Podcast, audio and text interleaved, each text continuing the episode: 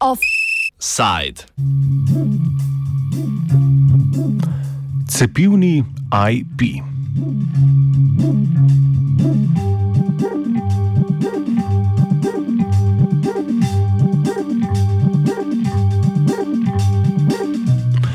Konec prejšnjega tedna je Svetovna trgovinska organizacija, krajše STO, razpravljala o začasnem suspenzu patentov za cepiva proti COVID-19 in medicinskih pripomočkov za zdravljenje bolezni.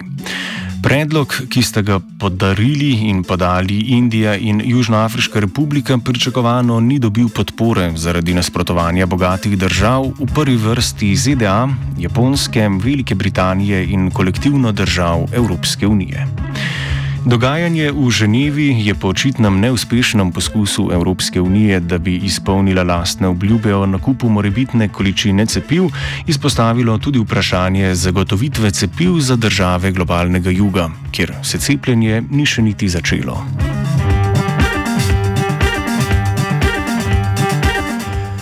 Glasovanje, ki se je na sedežu Svetovne trgovinske organizacije v Ženevi zgodilo prejšnji četrtek, je bilo predtem večkrat odloženo. Že pred več kot tremi meseci je namreč Južnoafriška republika, ki se je pri predlogu na to pridružila tudi Indija, na STO naslovila predlog, da naj se za čas trajanja pandemije suspendira tiste pacijente, pardon, patente, ki bi lahko omejevali odziv držav in zdravstvene industrije pri spopadanju z virusom SARS-CoV-2. Najpomembnejši med temi, a ne edini, so patenti za cepiva in njihovo proizvodnjo.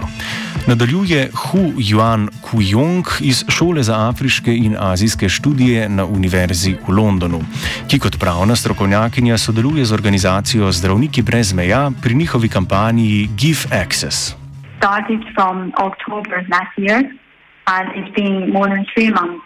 And then we heard what we heard from um, reporting and public information is country uh, still couldn't find uh, consensus because a small group of uh, countries, uh, mostly from wealthy countries uh, and plus European Union as a whole, uh, don't want to come up with the common ground.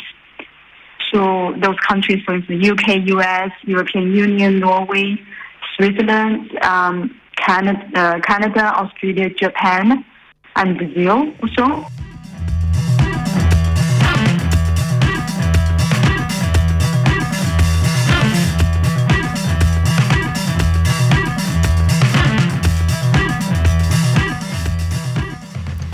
Predlog, o katerem se je razpravljalo v STO, se nanaša na določilo sporazuma o trgovinskih vidikih pravic intelektualne lastnine z angliško kratico TRIPS, katerega podpisnice so vse države članice STO, ki združuje 164 držav, torej skoraj celi svet.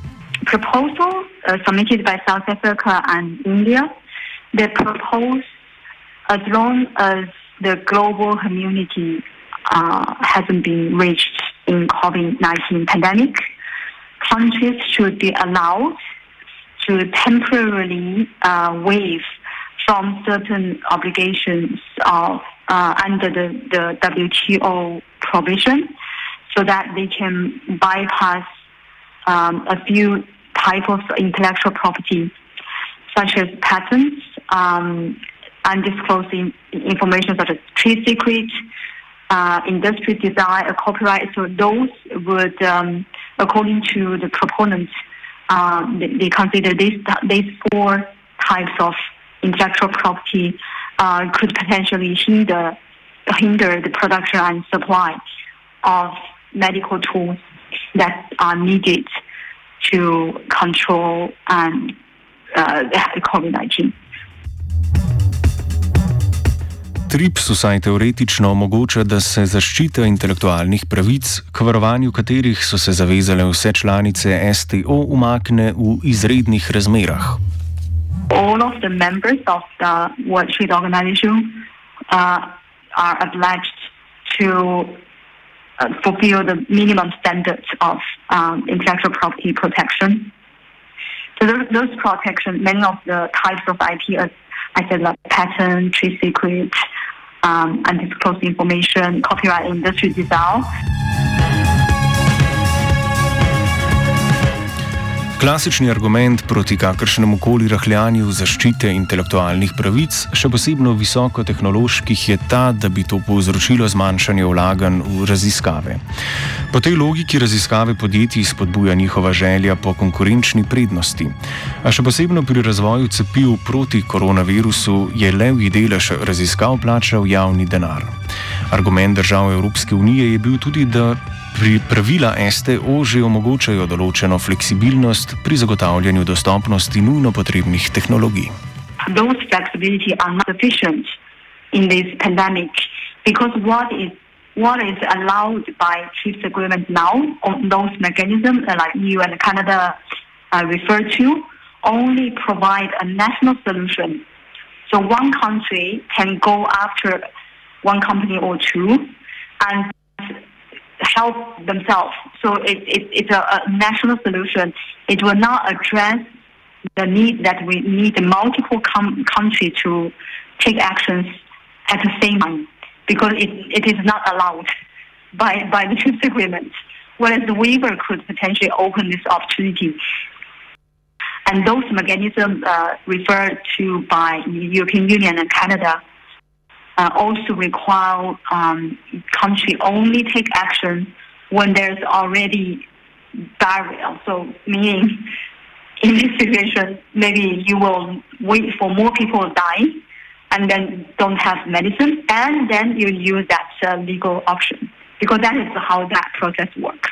But in here, we are talking about global health emergency.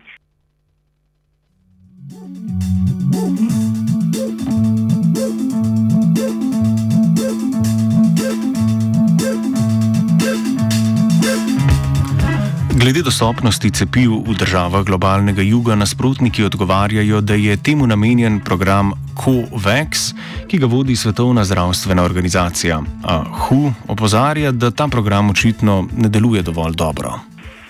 Some, some, uh, some country who oppose the waiver proposal thinks they are, um, for, for instance, they say for vaccine, we already have uh, COVAX uh, under the WHO um, ACTA mechanism.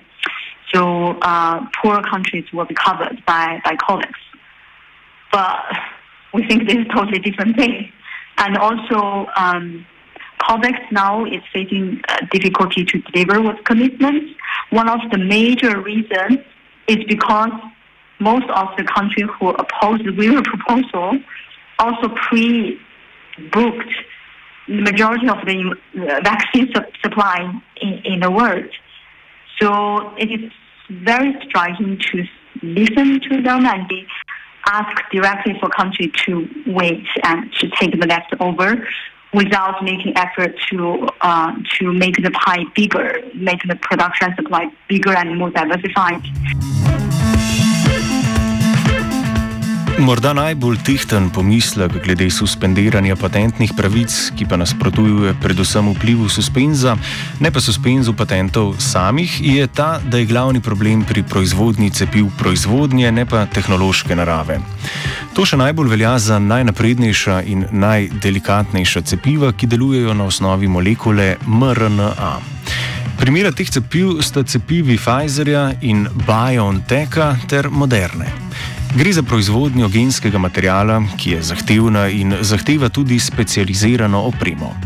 Največji izziv v proizvodnji teh cepiv je vnos molekule MNRA v lipidne nanodelce, s pomočjo katerih molekula vstopi v celice. Proizvodnja teh cepiv je sicer zavita v tančico industrijskih skrivnosti, a praktično vsi stroji, primerni za te proizvodne linije, naj že bi bili v tovarnah omenjenih proizvajalcev.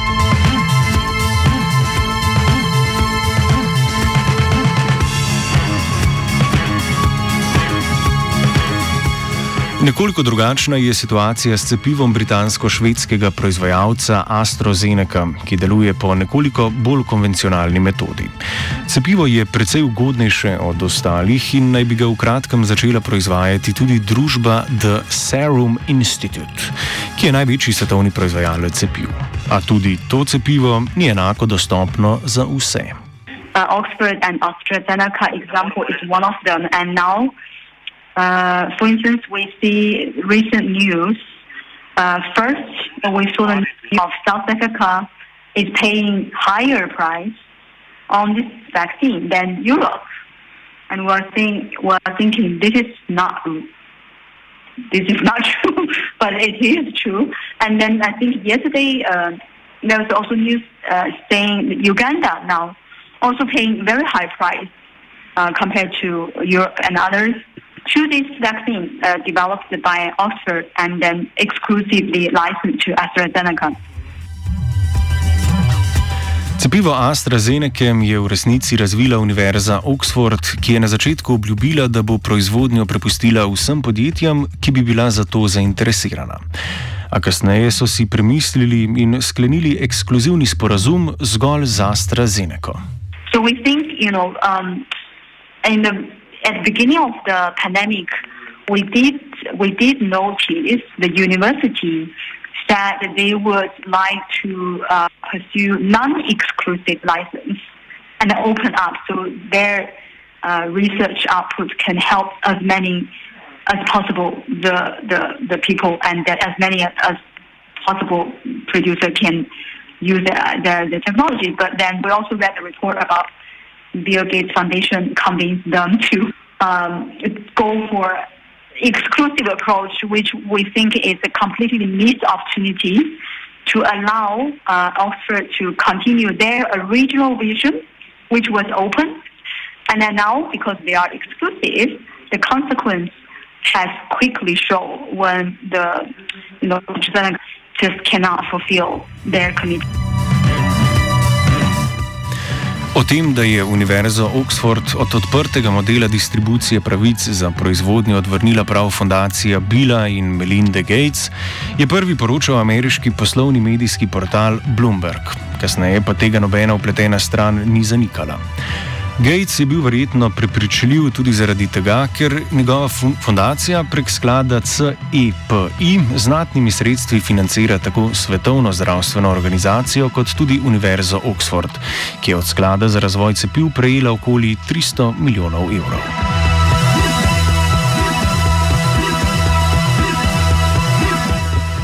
Rešitev za probleme pri proizvodnji zadostne količine cepiv ne gre iskati toliko v patentnih cepivih, ampak bolj v načinu, kako so države, še posebej na Zahodu, do njega želeli priti.